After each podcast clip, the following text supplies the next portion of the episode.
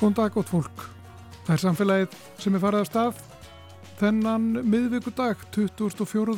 mæ og það eru Guðmundur Pálsson og Þóldur Ólastóttir sem ætla að vera með okkur næsta klukkutíma. Það þarf að endur skoða skóla íþróttir sem námsgrein.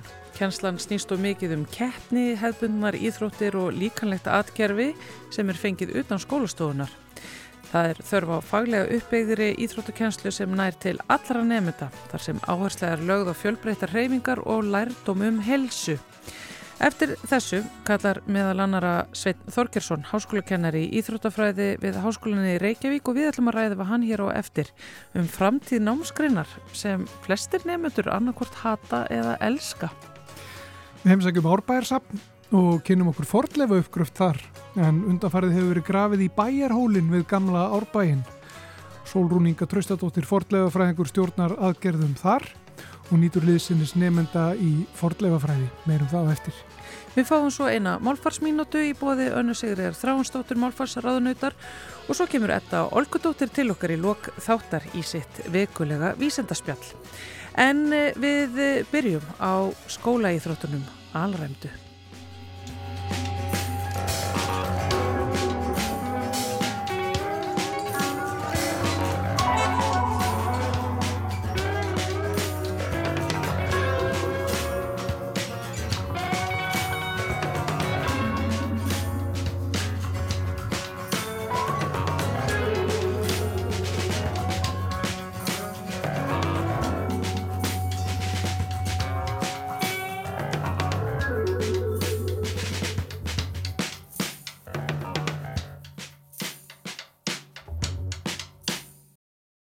Við ætlum að ræða um íþróttir, skólaíþróttir við Svein Þorgersson sem er háskólakennari og íþróttafræðingur í HR. Sætvertu Svein.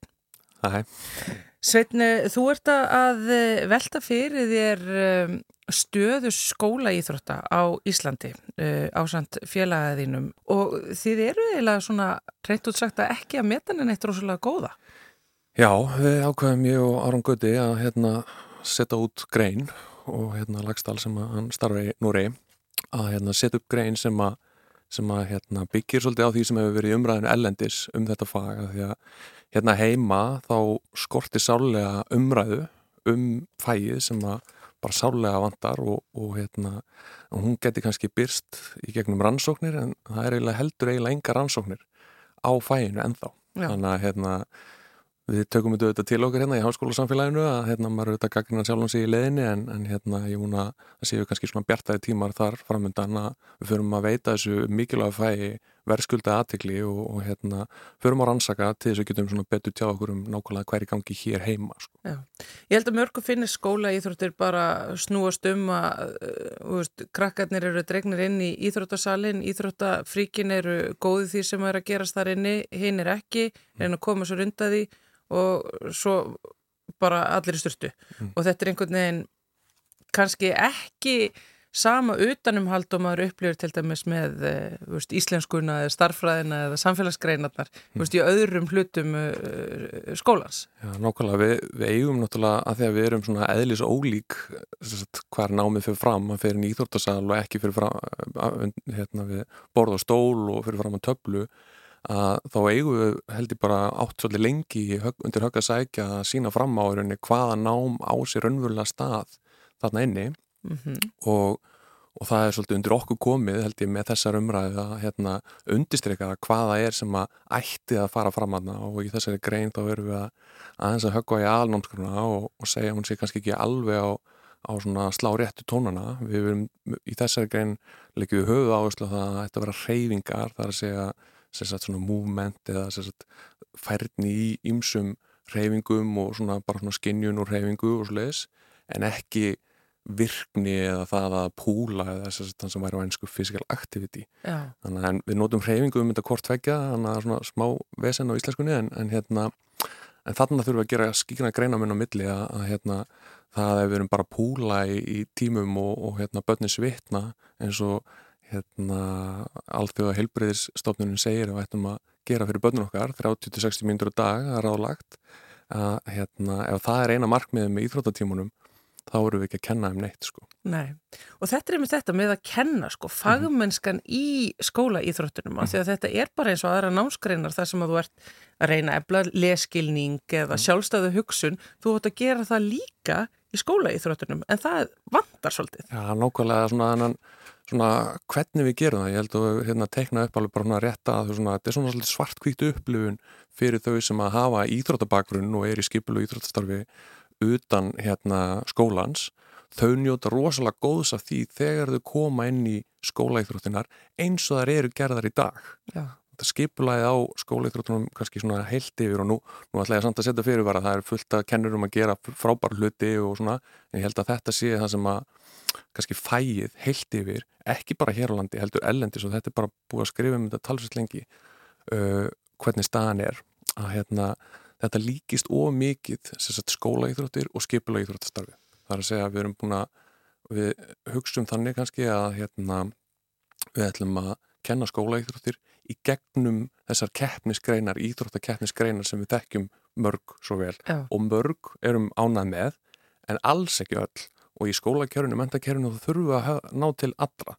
Og í gegnum miklu fjölbreyttari nálgun heldur en bara í gegnum íþróttinar og þetta, ég get alveg viðkynnt að þetta hefði pottjætt verið mín nálgun hefði ég byrjað að kenna í, í grunnskólakennslu strax á loknu námi. Þú veist, þá hefði ég farið að, að setja upp bara svona þema, þú veist, í þessari viku þá ætla ég að kenna hérna, bandi, svo í næstu viku að kenna ég blag og, og meðan öll, all, allir krakkan eru að taka á því og, og svona reyna að vera sem, með sem flest virk að, að þá er það bara, skilur ég lægi.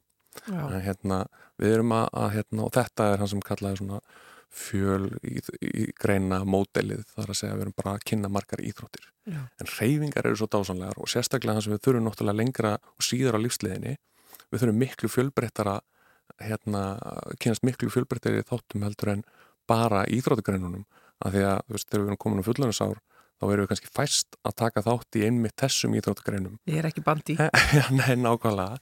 Að hérna, við þurfum að, að hérna að virka það svolítið, þú veist, og við erum að fá upp kynnslóði sem hafa bara áhuga mál og alls konar hlutum, þú veist, út í veru hjólriðum, göngur, hlaupum og, og alls konar, að hérna virkar í kynnslóður heldur en áður. Þannig að við þurfum að undibúa þær fyrir virkan lífstíl sko, íþróttir klála en alveg líka hérna miklu fjölbrettari reyfingar sem að, og kannski gegnum leiki sem að reyna á fleira heldur en bara hver sterkastur eða hver hoppar hæst En hvernig nærðu þá til einhvers antisportista krakka sem hefur óbeit á fótballtafríkum uh, þegar ja. hann mætir í, í skóla íþróttir? Já, það er náttúrulega góð spurninga því að ég held sko núna glými fæði náttúrulega við bara svolítið svona fyrirfram, veist, ef, ef ég fengi þennan hérna, einstakling sem hefur kannski fengið slæma upplifun á skóla íþróttum hinga til, þá þurftum við að taka á mótið núna inn í fæið og, og hérna, gera þetta bara með hans öðrum hætti við þurftum að, að hérna, leggja eins til hliðar allar þessar keppnisýþróttir sem, sem við veitum að, að hérna, búa svolítið til hérna í keppni, þú veist það er alltaf sigur og taparar. Og það sem er eitt svona grunnforsendan fyrir því að við ættum að gera þetta ólíkan hátt þar að segja í kennslu og þjálfun er svo að í þjálfun þá mætur þarna í skipilegt íþróttstarf af einn vilja, fúsum og frálsum en það þurfa öll að vera í skólaíþróttum og bara það að setja upp keppni í skólaíþróttum eh, eina grunnfórsendunum fyrir keppni allavega eina af þú sem við leggjum til í greininni er svo að hún sé, e, sé að fúsum og frjálsum vilja. En ef þú þart að vera í skólaíþróttum þá hefur ekkert valum að taka þátt í keppninni. Þannig að þá eru henni verið að brjóta á þessum grundvallar fórsendu fyrir því að taka þátt í keppni sko. Já Og við erum ekkert látið að keppa í, í öðrum skólastofum, sko, veist, ég er Nei, ekki keppni í starffræði eða íslensku við bekki minn, nýstaðar, annar staðar. Já, ekki þannig nátt og ég að kannski ef þú farið bæði í starffræði próf þá getið þið bæði fengið mjög góða rengunir óháð hvort öðru. Já, en ef við erum saman í skólaættratum og ég er að keppa mútið þér, þú veist, þá, þá mun annað vinna og hitt mun tapa. Einmitt, já. Þannig að hérna, ef við setjum þetta upp þannig, Já. það er mörg fleiri form hægt að vinna með, veist, það er hægt að vinna með samfunnu, en það, ég er ekki að segja það, það er alveg hægt að setja fram keppni, en við þurfum bara að vera mjög meðvitt um það, hvernig við gerum það, meðvitt um það og, og að kenna börnunum, af því að ég sé í hópum, hópum barna að í sumum hópum þá gengur alveg að keppa og, og það er, það, hérna, þú veist, það getur einhver komið síðast í marka eða eitthvað svo leiðis og það er bara allt í lægi svo ertu með aðra hópa sem að það bara fer allt í hálóft og fer bara í tóma vittlisur það er kannski eitthvað í hópnum sem að einhverja einstaklingar sem að bara kunni ekki að takast á við það að keppa og það er tilfinningar sem að fylgja því að tapa eða gangi ekki vel og, og svo leiðis og það er einmitt það sem að íþróttakennarinn ætti að koma inn og að vera að kenna. Æja, það er ekki nóg að rúla bara boltanum inn og, og láta þau svo þjást í gegnum tapið eða, eða, eða segrana skiljið, þú vorst líka að vera góðið að segra sko. þannig að við erum að tala um svona gildi bara eins og veist, hátvísi og samvinn og samskipti sem að, við þurfum að lifta þessu upp Þetta er rauninni bara kennsla mm -hmm. og við, það er með kannski það sem að vandamáli við hefum bara mhm. glemt því að skóla íþróttir er kennsla veist, þetta er námsgrein, Já. þetta er ekki bara keppni og, og íþrótt og, og, og þjálfur sko. Já, nokkulega ég held að, að hérna, skona, eins og sé aftur að það eru mörg að gera þetta vel en þannig sem, sem ég horfur kannski fyrst og fremst í einn barm og sé þetta núna kannski aðeins í betra ljósum myndi ég segja og það er að hérna, sagt, við sem erum í, íþróttafræðingar, íþróttakennarar við erum oftast uh, þessi einstaklingur sem hafiði jákvæða upplifun af skólaíþróttunum við höfum kannski bakgrunn úr einmitt ykkur í íþróttum sem við tókum með okkur inn í þetta skólaíþróttafag. Þess vegna voru við í hópnum sem voru mjög jákvæði gagvart skólaíþróttum. Og við höldum áfram að fetta hana veg og förum í það að, kenna öðrum í, í hérna, íþróttukennurum eða sérst að verða íþróttukennari og kenna þá öðrum börnum. Og nefnum við setjum okkur sérstaklega kannski svolítið í það stellingar, þá munum við kannski ekki alveg skilja hvernig það er að vera ekki e, þessi sem að leið vel í og við náum kannski ekki til þeirra og það gæti kannski leitt til þess að við myndum horfa á, herðu, það er bara viðhorf barnsinn sem er vandamálið skilji en í staðin fyrir að horfa aðeins í eigin barn og hugsa, ok, er það kannski það sem ég er að gera sem er ekki búa til góðar aðstæður fyrir námið sko mm -hmm. Ég held að það séu bara mjög margir að núti sem að fagna mjög þessari umræðu. Það er fullt af fólki þarna sem að e, hataði e, skólaíþróttir á sínum tíma og bara þjáðist í gegnum þetta og þótti þetta allatíð vera ömulegast og leiðilegast og ræðilegast að fæið. Bara mikil sársík út í samfélaginu gagvar skólaíþróttum. Þannig að, að, að tala um þetta svona er bara, já, mann er bara hlýnar eiginlega innan. Já, ég, ég held sko allavega að sko ástæðan fyrir því að því ég kem alveg úr íþróttum og, og hérna, það er svona minn bakgrunnur ég held að við eigum bara svo mikið undir því að, að, að að taka utanum veist, öll hana inn í mentakerfinu að því ég held sko að, að það er ekki bara þau sem við munum græða því, ég heldur líka uh, íþróttafólkið sem að í rauninni í staðin fyrir að vera bara framlenging og skipulega íþróttastarfi þá er ættu skóla íþróttir að vera eitthvað annað og meira bjóðu upp á annars konar nálgun, annars konar vinkla á reyfingu og einmitt að vera kannski þessi vettunguna sem að kenna fullt af hlutum bara á svona flottan hátt í góðu umhverfi. Við þurfum að, að þetta er bara þetta á morgum viðstöðum, við þurfum að snúa viðhorfum á, ymsum stöðum, skólastjórnendur og fórstuðning og svona. Sumi skólastjórnendur eru jákvæða akkvært skólaíþróttum og sjá gildin og sjá hvað það getur gert og eru með góða íþróttkennara, þá fer þetta svona svolítið saman og en það er ekki allstaðar því miður. Og við erum bara, að íþróttakennarnans bara fer fram á kaffestofunni og kennarafundunum bara, þú veist og það er bara, kemur fram í kennslubókunum þú veist, þetta er eitt af því sem við þurfum að gera Já, en sko, það er mynd máli, það er ekki þá líka bara svolítið endur ykkur þetta fæið, þetta er rosa vinna framöndan ef að þessi sín sem að þú ert mm. að mhm. tala um hérna, þú veist, þetta að raungirast mm. ef að mhm. henda út bandivíkunni og blagvíkunni og bíptestunum og öllum þessum öllum þessum hlutum Já. og bara, þú veist hugsa fæðið upp og nýtta því að þú ert líka að segja námskránin einu sinni, tekur ekki einu sinni utanum þetta? Ég myndi segja með námskráinu uppbyrjum þar að hún, hún tala svolítið mikið um heilsu og, og það, þetta með reyfinguna eða virknina að, að, hérna, að þau séu virk en ég myndi vilja segja hérna, að til dæmis það að, að reyfa sér mikið að vera virk, það kemur sem afleðing af því að við kennum þeim um reyfingar. Það er að segja að við setja fókusin á á rétta markmiði í rauninni það að kenna hreyfingar og ef við upplöfum okkur færum það að hérna, geta hreyft okkur á ymsa vegu þá kemur virknin með að því við upplöfum það að myndum fjallið í nágranninu eða það er bráhöru staður og það er bara geggjað að ganga upp og, og hérna, upplifa ymslegt þar taka þátt í leikjum og, og fleira þýlikt sko.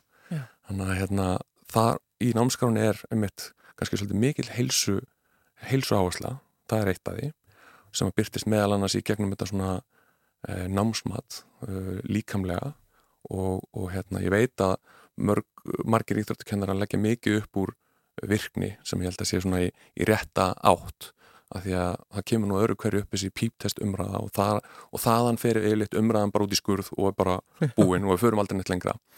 En sérst, ef við tökum bara til dæmis píptesti sem byggir á þóli sem er bæði sérst, byggir á þjálfun og erðum þannig að við bara munum bara vera mjög misjaflega undibúinn þegar við komum í tíman uh, hvort við séum að fara að ná góðum hérna, árangri í þessu prófi eða ekki bæð út frá erðum og þjálfunin eins og ég segi. En það, það sem er eiginlega mest út á þetta setja var kannski að þjálfunin sem liggur þar að baki, hún fer fram eiginlega fyrst og fremst í kannski skipilu íþróttastarfi eða einhverju öðru heldur en í gegnum skólastarfi já, já. þannig að hérna jújú, jú, vissulega væri hægt að setja nefndum fyrir í, heimavinnu að gera eitthvað heima og koma með það inn í og við erum ekki vönd því heldur heimavinnu í íþróttum að hérna, en það mætti alveg hugsa það að þannig væri þetta svona útvika skólaíþróttina, starfið, að, að senda börnin heim með eitthvað verkefni að gera með fóröldrum með eitthvað svo leiðis en ég myndi kannski ekki endilega senda það út að hlaupa sko, það er að gera svo margt annars skemmtilegt varandi reyfingar til þess að kveiki áhuga og, og svo leiðis sko. þannig að hérna þannig að þegar við erum með þetta námsmatt sem byggir á til dæmis bara þól, þól getu og við ætlum bara að sjá hver kemst lengst að ég myndi segja að það, það byggir á einhverju öðru heldur en því sem fer fram í tímunum skóla íþrótta tímunum að þú þarf bara mikinn tíma og bara eh, svolítið kerfspunnar og einbindar æfingar til að bæta þólið svo það sé raunverulega það sem við séum að, að leggja áherslu á í tímum sko. Já, en þá er þetta bara rosa langt ferli þá framöndan, er það ekki? Það eru alls konar viðhóru þarna úti í skólasamfélaginu mm. uh, hvernig, hva, hvað er að mæta þér? Hvað er framöndan? Hvað er næsta skref eftir þessa grein og, og þessa endur skoðun og, á, á skólaíþróttum hérna á Íslandi? Já, sko, nú er náttúrulega þetta bara enn, enn sem komið er bara einn ein grein Já, þú ert að kalla eftir algjörði kollverfun Já, ég er unni að, hérna, veist, að við komum saman, þú veist, íþróttafræðingar sem að sem eru, eru í kennslu og, og annað áhuga svona fólk að hérna, fara að ræða þetta líka og, og bara svona hvað getur sagt, getum eld svona fagvitund okkar, þú veist, hvað eru við að kenna og þú veist, ég held að, að þetta samtal, þú veist, gegnum endumendun og, og fleira þvílikt að hérna að það hefði bara skort og hérna ég er að reyna að axla eins mikla ábyrðu ég get í þeim öfnum og reyna að virka kollega mína með mér að hérna að fara að taka þetta til skoðunar og, og fara að hérna, gera hlutunum betur. En þess að segja, þetta er einn grein. Við höfum fengið bara, um til að segja bara langmest bara mjög jákvæð viðhorf, viðbrögð við greininni. Uh, kannski er þau sem að eru mótinni, þau hefur kannski ekki haft hátt upp um það en, en hérna, það væri allavega gott að fá, þú veist aðeins hérna, fram og tilbaka að eiga þessi samskipti. Bara því ég held að hérna ég veit nú þegar að það eru ansi mörg sem eru bara sammála því sem fram kemur hana en það eru það er bara eins og með allar svona breytingar það er, getur oft verið erfitt að koma þeim í gegn og, og mentakerfi kannski svona í grunninn svolítið íhaldsamt kerfi. Og, og hérna en, en það þýr ekkert að gefast upp á hann og leggjum á stað. Það, hérna, við bara, þetta er, lang, er langklaup og, og hérna og við erum bara rétt að byrja Takk kærlega fyrir að koma til okkur í samfélagið Svein Þorgjursson og fara yfir uh, þetta, uh, hvernig hægt er að breyta skóla íþróttunum allræmdu og verður aðteglisvert að fylgjast með þér á þessari vekkferð. Kæra þakkir.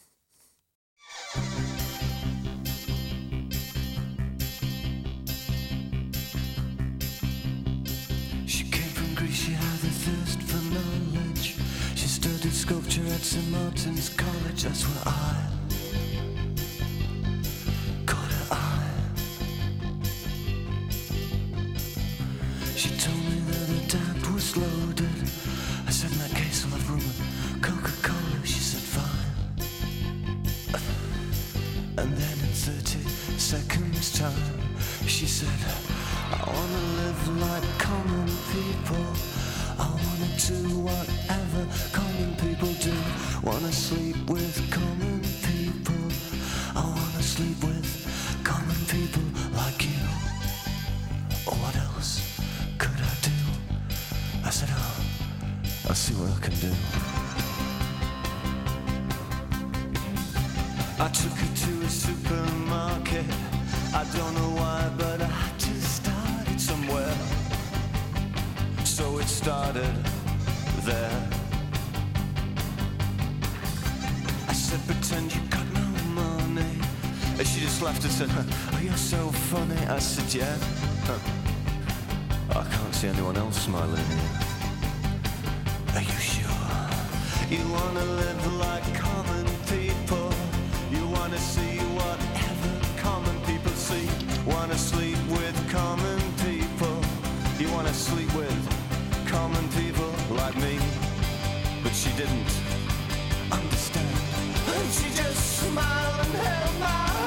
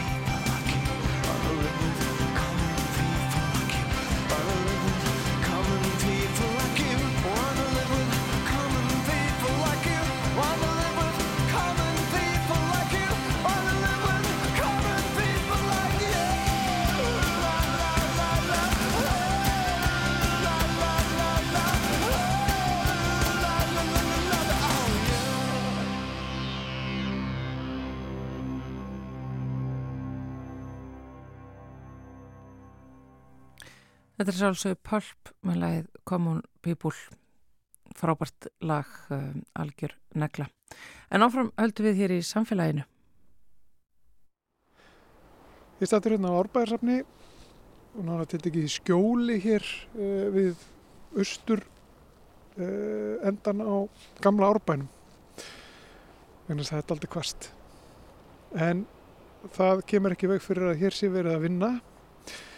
Hér er nefnilega uppgröftur í gangi og verið að rannsaka fornminjar uh, við gamla Árbæn.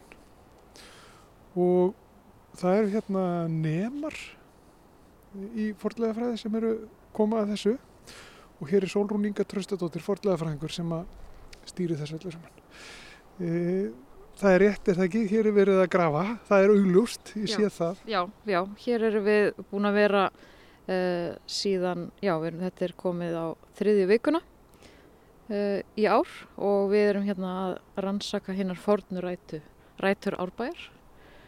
Og við erum með nýju nefndur í ár og hérna þetta hefur gengið bara mjög vel en uh, veðrið eins og þú segir er svona aðeins að uh, segja til sín en við erum allavega ekki búin að missa neina nefndur úr fæinu ennþá sem er, sem er jákvætt En uh, já, við erum hérna stödd bara á bæjarhólnum, þar sem að svona stóra uppgrættasvæðið okkar er. Svo erum við með annað hérna fyrir vestanbæin og þar er uh, öskuhugur sem við erum einnig að rannsaka.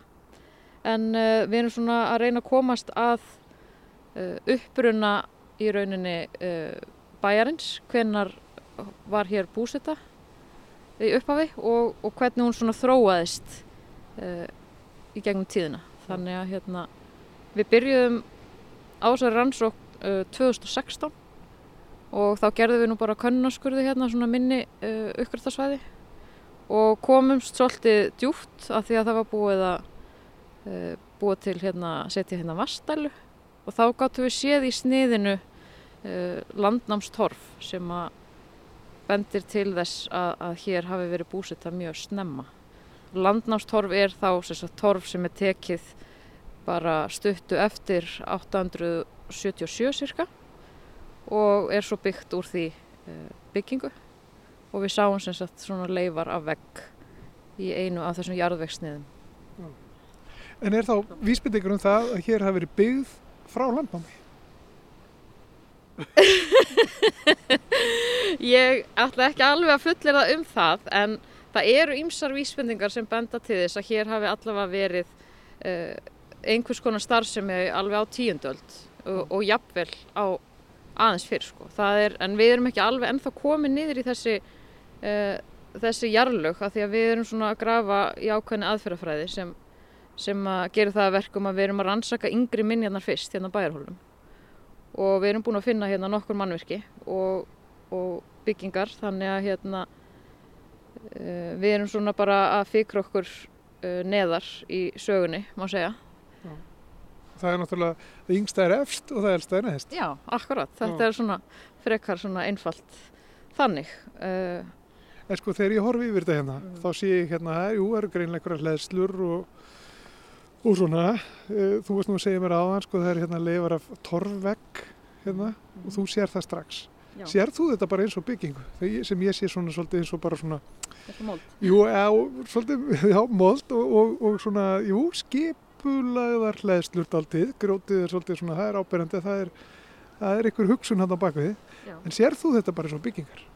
Uh, já, ég meina það er líka svona náttúrulega okkar hlutverk er að koma að staði hvað er hérna og við þurfum að kunna ákveðna aðferðafræði til þess að geta túlkað jarlögin og þetta er bara kemur með reynslunni að greina torvegg frá torfhruni og, og grafa fram í rauninni þennan torvegg sem þú ert að tala um.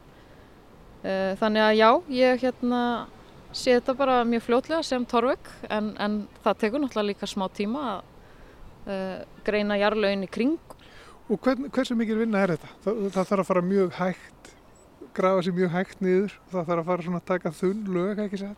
Jú, aðferðafræðin sem við erum að beita er svona þannig að við greinum hvert jarlag fyrir sig og greinum fyrst það, það sem er efst og skráum það á ljósmyndum og, og lýsum því á, á ákveðnum svona eðublöðum og svo tökum við bara, gröfum það í burtu þegar við erum búin að skrá allt vel og vandlega og svo höldum við bara áfram í næsta og næsta. Þannig að þanga til að, þanga til að við komum bara niður í, í hérna, náttúrulegan jarveg En uh, þetta er alveg vissulega tímafrekt, getur verið, en nú erum við náttúrulega líka hérna með, þetta er nefnda uppgröftur, þannig að við erum í rauninni ekkert að flýta okkur hér, en uh, og það er náttúrulega mjög mikill kostur, af því að oft eru fordlega fræðingar að vinna í kappi tíman þegar eru framkvæmdaransóknir eða, eða já, vegna, vegna hérna, framkvæmda, en hérna er þetta, erum við fáum við bara að taka okkar tíma og, og hérna erum að kenna nefndum uh, þessa, þessar aðferðir við uppgröft. En nú er, það er vitað til þess að ekki það eru heimildir um byggð hérna, hvað er það, 15. 16. öld eitthvað svo leis? Já, það eru svona mi- miðja 15. öld, það eru elstu rituð heimildirnar og það er í rauninni ekki mikið verið að fjalla um bæinn í þeim en uh, þá er uh, Ólöf Ríka Lofsdóttir að koma hér að bænum og, og það er verið að, hún er sérst að, hérna, kaupa jörð uh, af konungi og er sérst þau eru að kvitta upp og það að hún er að fara að flytja peninga við kaup á þessari jörð. Og þannig að þá er, þá er rauninni kannski hægt að túlka þessa, túlka þessa heimild sem að fólk er greinlega að koma hingað til þess að í einhverjum svona erindum eða þetta hefur verið góður staður til þess að, til þess að hittast á og, og gera svona einhver, einhvers konar svona samninga þannig að hérna og náttúrulega í setni tíð þá verður bærin uh, mjög svona vinsæll áningarstaður uh, og, og þjóðleiðin lá hérna mjög þjætt upp við bara tungarðin í rauninni hérna fyrir norðan. Já. Þannig að, en þarna greinilega þessu elstu heimildir, þá má kannski hugsa það þannig að, að þarna byrjaði í rauninni uh, bara saga árbæðar sem svona áningarstaður og, og svona kannski þægilegt í einhverju alfara leið þannig að allavega er ég að túlka kannski þessa heimild Já. þannig.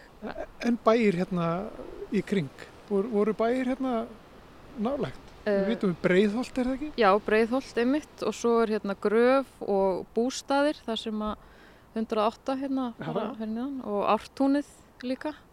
Þannig að það eru alveg nokkur uh, bæjastæði hérna svona í grend sko og en uh, árbærin var svona kannski talin svona bara uh, meðal stór bær lengi þannig að hérna þess, á þessum tíma sem við finnum rittar heimildir og það er þá hérna 1704 uh, jarðabók Árna Magnússonar og Páls. Svo eru náttúrulega aðri stærri bæir sem að er þá Gufunes og, og Elliðavatn.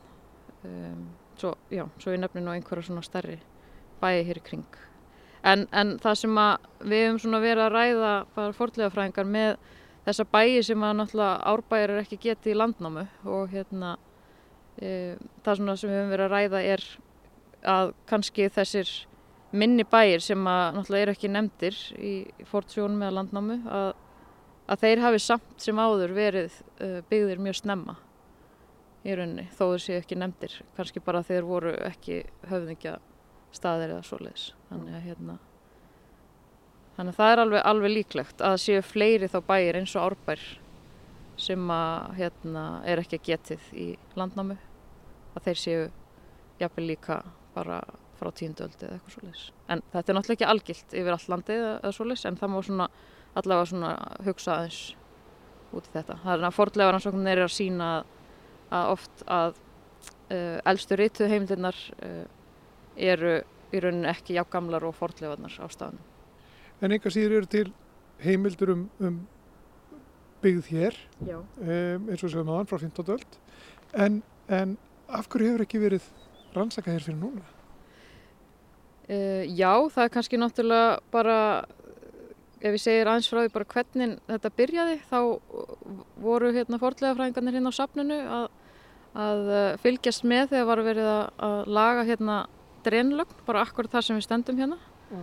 og, og þær hreinsuðu upp úr hérna náttúrulega bara þegar var verið að skipta um drenið í rauninni að þá hreinsuðu þær snið, jarvegsniðin og sáu uh, mannvist bara undir og yfir gjósku frá köllu frá árinu 1500 og þá svona kviknaði áhugi bara hjá safninu að rannsaka kannski bara betur aðeins fortlefanar hérna á staðnum. Þannig að og við fengum svo setna fjármagn frá Fortminnesjóði sem er að, styrkja rannsóknuna og það er náttúrulega já, það er nú kannski svona aðal ástæðan að, hérna, uh, áhugin kviknaði þarna árið 2015 og svo fengum við fjármagn frá já, Fortminnesjóði en það náttúrulega eru fortlefar eiginlega út um allt sko, það er bara hérna, veist, það er alveg, það er alveg þannig sko. Og Já. það er bara, já, það er ekki alltaf sem við getum farið í svona vísindaransóknir, eh, svona vísindana vegna og, og í svona þekkingarleit að eh, heldur erum við oft auðvitað að grafa líka vegna framkvæmda. Þannig að hérna, það þarf náttúrulega peninga til að fjármagna vísindaransókn þannig að það er svona kannski aðal ástæðan fyrir að, að það er ekki hafði ekki byrjað fyrr. Og svo eru hérna, sko, við heyrum það, ég veit ekki hvort það heyrist í á upptökunni en, en það eru krakkar hérna, það eru skólakrakkar að vinka okkur hérna út á gluggan á, á álbanum og við heyrðum trampið þeim hérna. Eh, Það er mikilvægt fyrir, fyrir, uh, já bara komandi kynsluður að, kynnast sögunni sem er svona áþreifanum hætti. Já, það er algjörlega bara eitt hluti af okkar starfi, það er að miðla til almennings og rosalega gaman að fá þessa ungu kynslu hérna í heimsókn oft og, og spurja hvort við séum að finna eitthvað og, og hvort við séum búin að finna risaðlur, það er svona algeng spurning. En það er náttúrulega ómetalið þekking sem fæst við, við fortlegarnarsóknir og bætir ávalt við bara þekkingu okkar á fortíðinni og við getum jú líka lært af fortíðinni En, en þá spyr ég þið bara, eru þið búin að finna eitthvað? Ég ætla ekki að spyrja um risaðlum þar. Já, við erum búin að finna allavega einhverja 15 mannvirki hérna, leifar af þeim, hlöðu og, og einhver útihús og svo erum við hérna að grafa upp uh, tvö mannvirki, annað er frá 13. til 15. öld. Við erum svona að komast niður í gólflögin á því en svo sjáum við líka móta fyrir fleiri byggingum undir henni. Uh, gripir, við erum náttúrulega búin að vera að grafa öskuhaugin í nokkur ár núna með nefndunum og hérna það er að koma svona bara skemmtilegir hverstasgripir, uh, skæri, hnífar, uh, bríni til að brína verkfæri, uh, naglar er náttúrulega mjög algengt sem við erum að finna hérna. En svo erum við líka búin að koma staði að, að árbarinn svona í kringum, já, 17. öld, kannski jafnvel fram að 18.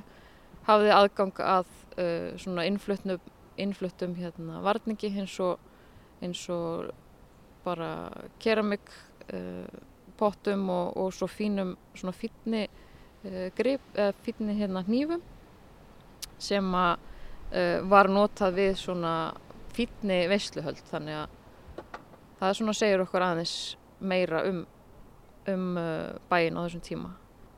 En öskuhaugar eru mikilvægir fyrir, fyrir forlega fræðinga. Já, þeir eru mjög mikilvægir. Þeir geta sagt okkur svolítið mikið um bara fólkið sem bjó á bænum, hvernig það lifði og hvaða aðgang það hafði að ýmsum varningi og hráefni og, og, og náttúrulega dýrabeinin sem finnast þar geta sagt okkur um aðeins meira hvað fólk var að borða og, og hvernig það var að nýta dýrin og hvaða afurður voru til staðar. Þannig að hérna, og einmitt líka bara eins og efnahag og annað sko, þannig að Já. þeir eru mjög mikilvægir fyrir forlega Við erum hérna á bæjarhólunum Já. og við erum hérna austa við gamla bæinn, samt alveg bara þetta uppiðan. Já. Um, er líklegt að það sé eitthvað bara undir þessum bæ?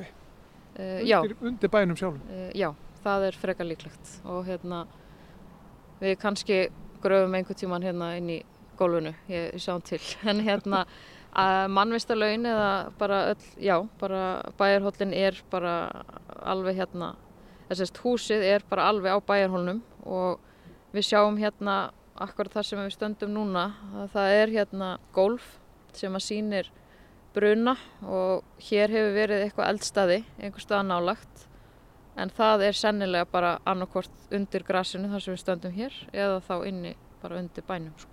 Já.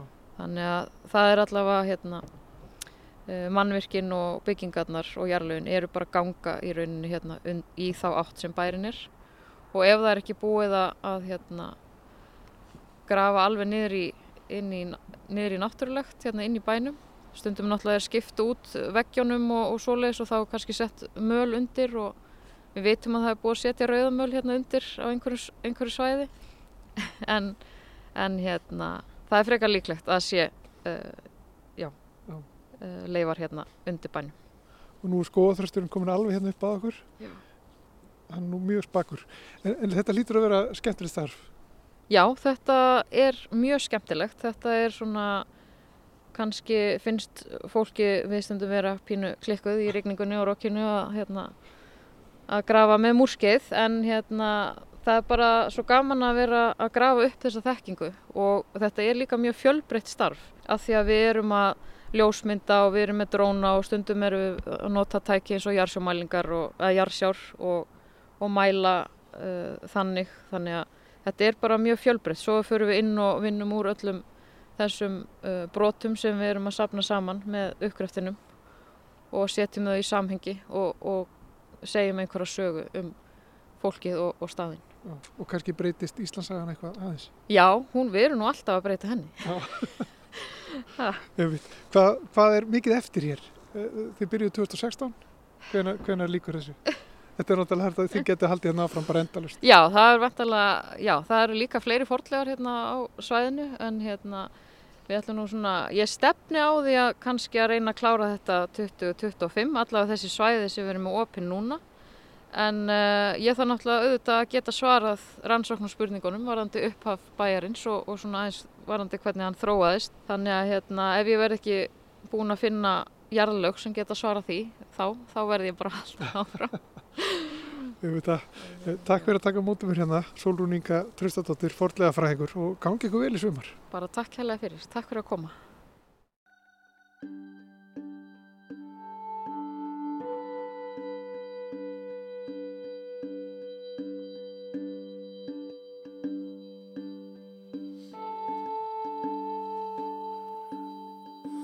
Ég hefði ekki býða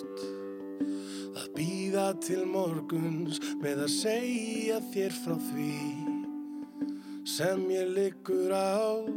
Mér gafst þó ansi oft tækifæri til þess en nú hefur þögnin reynst mér ansi dýrkift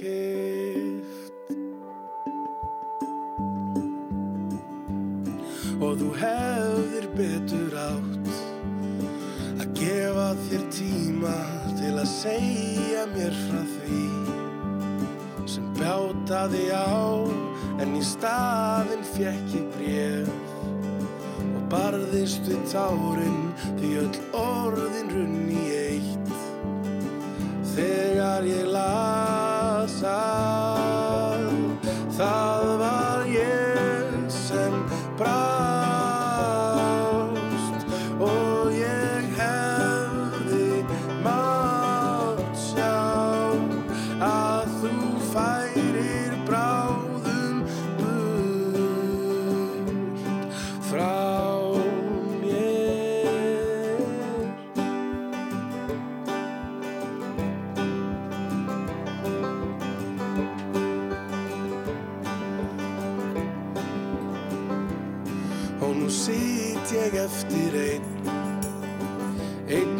sárt ennið en þá uppfullur af ást.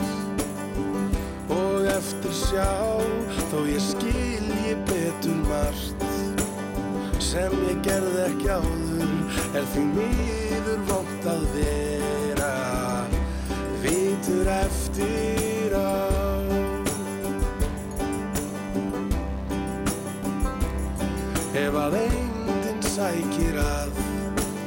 áður en ég sofna þá geri ég mér upp ímyndu svör því það auðveldar mér leið.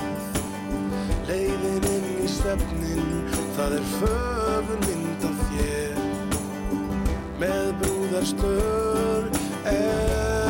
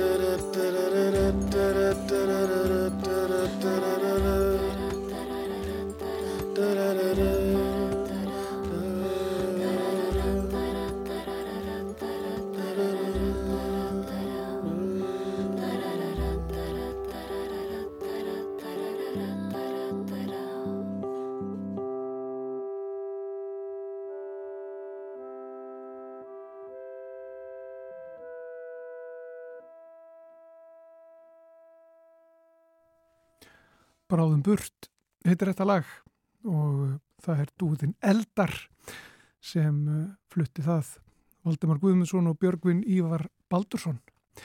En þetta Olgudóttir, hún er sest hér hjá okkur í stúdíu nr. 6 í Östaleiti. Við ætlum að leipa henni að eftir smá stund en fyrst skulum við heyra eina málfarsminútu.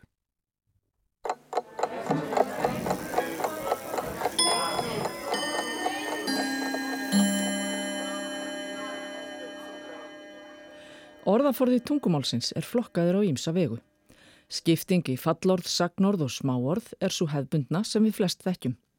Fallorð og smáorð eru oft flokkuð ítarlegar. Fallorðin eru þau orð sem fallbegjast, það eru nafnorð, lýsingarorð, töluorð og fornöfn. Til smáorða eru gjarnantalin orð sem ekki beigjast. Atviksorð, sem eru ekki alltaf sérlega smá og oft ekki óbeigjanleg, eru að vísu talin til smáorða, en annars er oftast átt við samtengingar, fórsetningar og nafnáttarmerkið að. En orðaforðin er líka stundum flokkaður með öðrum hætti, til dæmis í intaksorð og kerfisorð, þar sem intaksorðin bera upp í merkinguna en kerfisorðin þjóna málkerfinu. Þá er orðaforðanum líka skipti opna og lokaða orðflokka og tekið fram að opnir orðflokkar geti tekið við nýjum orðum en lokaðir ekki.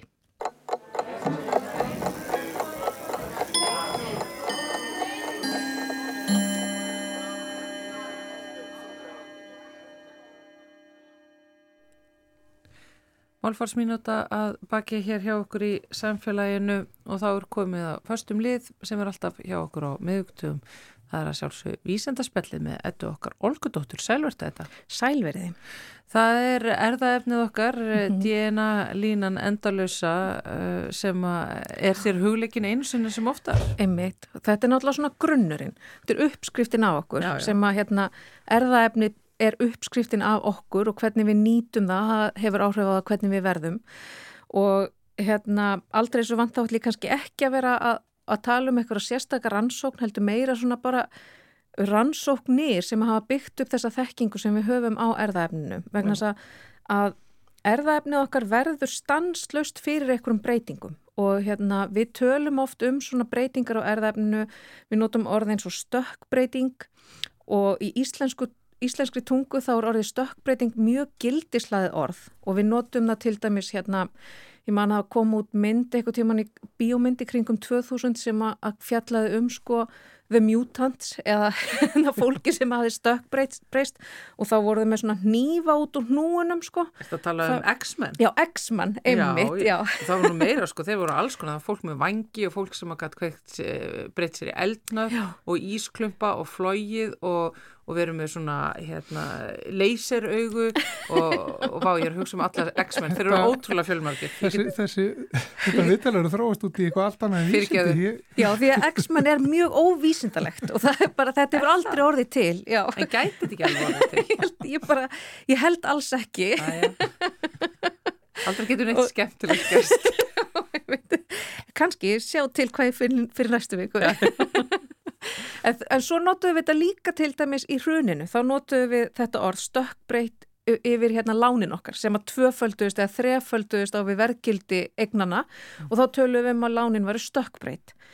En sko þegar við erum að tala um stökkbreytingar í erðaefninu þá eru við rosalega oft að tala um miklu, miklu minni breytingar og þá af því við vitum að, að hérna, DNA er svona runa af bösum og þetta er bara A, T, C, G basarnir og það geta bara verið fjórir. Og stökkbreyting er oft, það er oft talað um það þegar verið svona punktstökkbreyting þannig sem að einn basin breytist í eitthvað annað.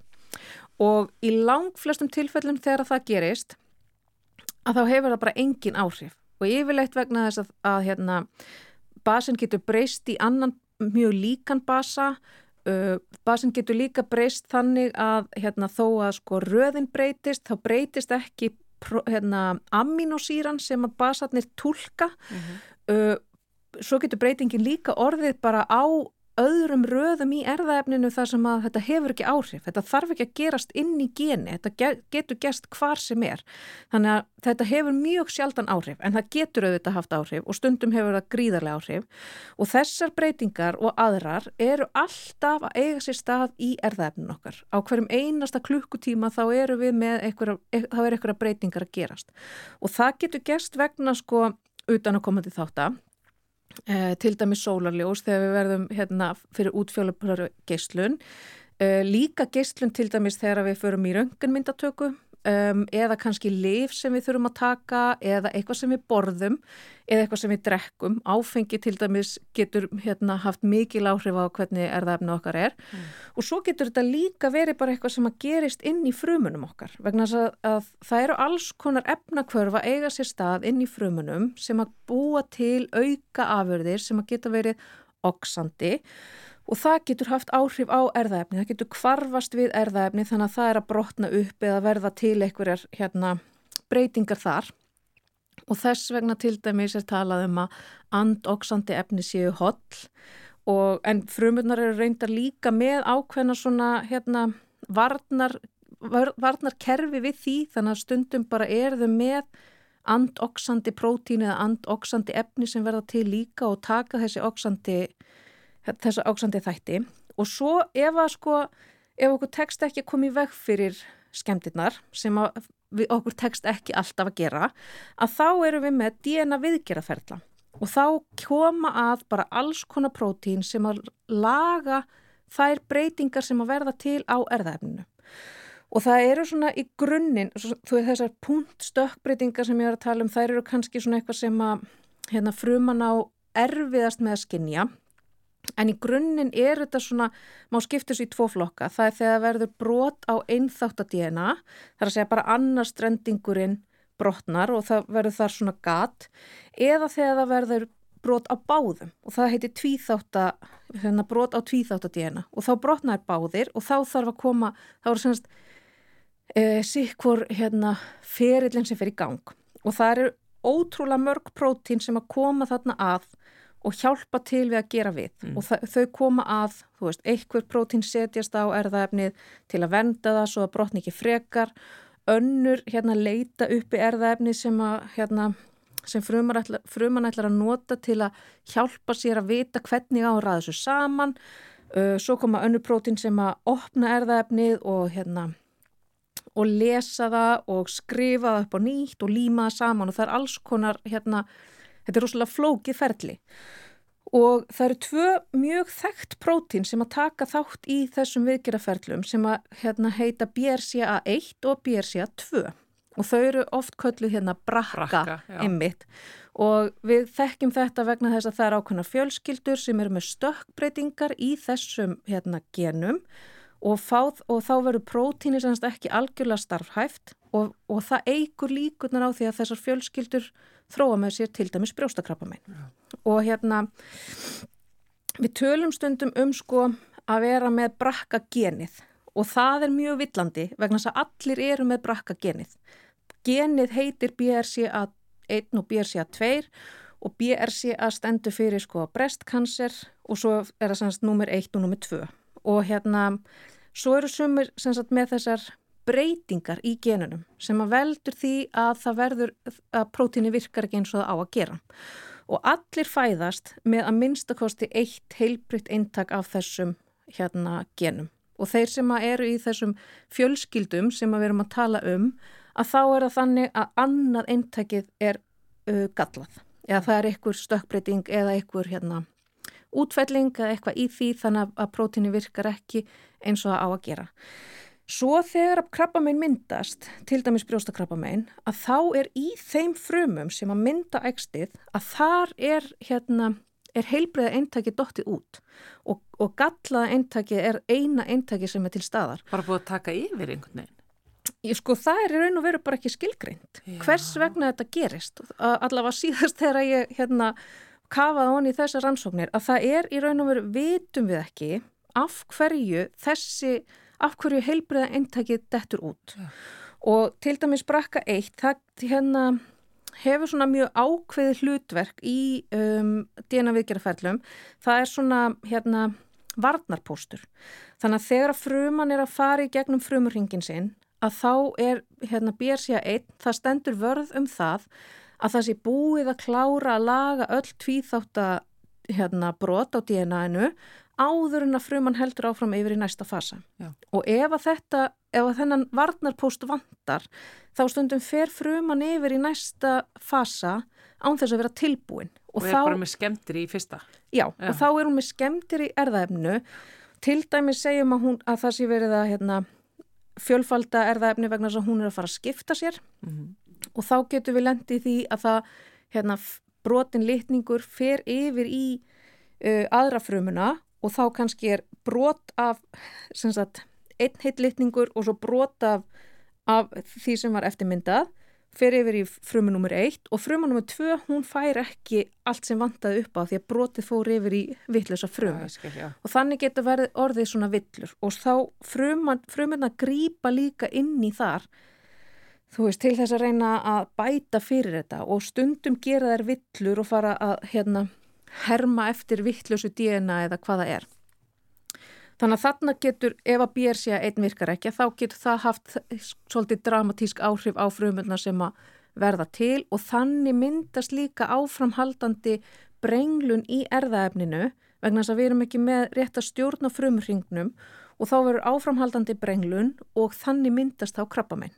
Uh, BRCA2 er kannski ekki með alveg jafn svona skilgreinda virkni en þau, það tekur þátt í mjög mörgum skrefum í hérna, viðgerðum á tvíþátta DNA og svo ef að þessar, hérna, þessar viðgerðir virka ekki af því við vitum að við erum alltaf að verða fyrir þessum hérna, árásum á erðaefnið og þær eru ekkit endilega árásir heldur bara svona partur af, af því að vera til Já, og ef að þær virka ekki þá getum við nefnilega lendi í því að það gerist eitthvað eins og ég var að tala um þegar að BRCA1 virkar ekki að það verða til brot og frumann veit ekki hvernig hún á að laga það og það geta þá dottið út einhverju partar af geninum eða þau geta hérna, snúist við eða hérna, við getum tvöfaldaða og þetta allt, getur allt haft áhrif og þá í, sagt, haft þau áhrif að frumann er ekki lengur að virka eins og hún á að virka. En þarna, þú veist, dettur manni sko fyrst í hug eitthvað konar sjúkdómur eins og krabbamein gæti já, myndast. já, já. og ef að það gerist þá höfum við náttúrulega enn annan varnagla að það er hérna ónæmiskerfið af því að frumurnar sko flagga því, bara eitthvað, heyrðu, ég er eitthvað lasin þetta, þetta er ekki alveg rétt. Svo faraði líkast hérna í fasa sem að heitir senescens eða öldrunafasi og þá eru þær bara svona varanlega óvirkjaðar og gera ekki neitt. Eða þá að þær fara yfir í hérna stýrðan frumudöða sem er þá bara sjálfsmorð, þær bara ákveða að þær ætla að deyja því að þær funkar ekki virka ekki eins og þær eiga að gera. Fallega gert það. það er mjög fallega gert aðeim þannig að það, þú veist, þetta sem er alltaf að ráðast á erðaefni okkar og er alltaf að svona reyna að skemma fyrir okkur við erum með ótrúlega marga pósta á leiðinni til þess að koma í vekk fyrir að, það- að það gerist. Og við erum með ótrúlega magnað kerfi í frumunum og í líffærunum sem að passa upp á allt fungri og, og virki að þannig að líffærin okkar virka og líkaminn virkar eins og á að gera. Það má ekki gleyma því hvað við erum frábærlega hönnuð nefnilega. Já, við erum mögnuð. En mættum samt alveg líka geta verið með lasersjón eins og X-Men, ef, að- að það er ekki til og mikil smælst af uh, DNA erðaefninu. Þú leggur þetta inn hjá því, næstu þú hittir Já, ég skal ræða þetta við þau bara. Þannig ætlum við að ljúka samfélaginu þennan miðvikudaginn. Takk fyrir komuna þetta, Olga Dóttir. Takk fyrir mig. Komumst ekki lengra í dag. En komumst lengra á morgun og verðum þá hér uh, á sama stað. Sýtum hér í sömu stólum og tölum með sömu hljóðanema Guðmundur Pálsson og Þóruður Ólastóttir. Takk fyrir okkur. Verðið sæl.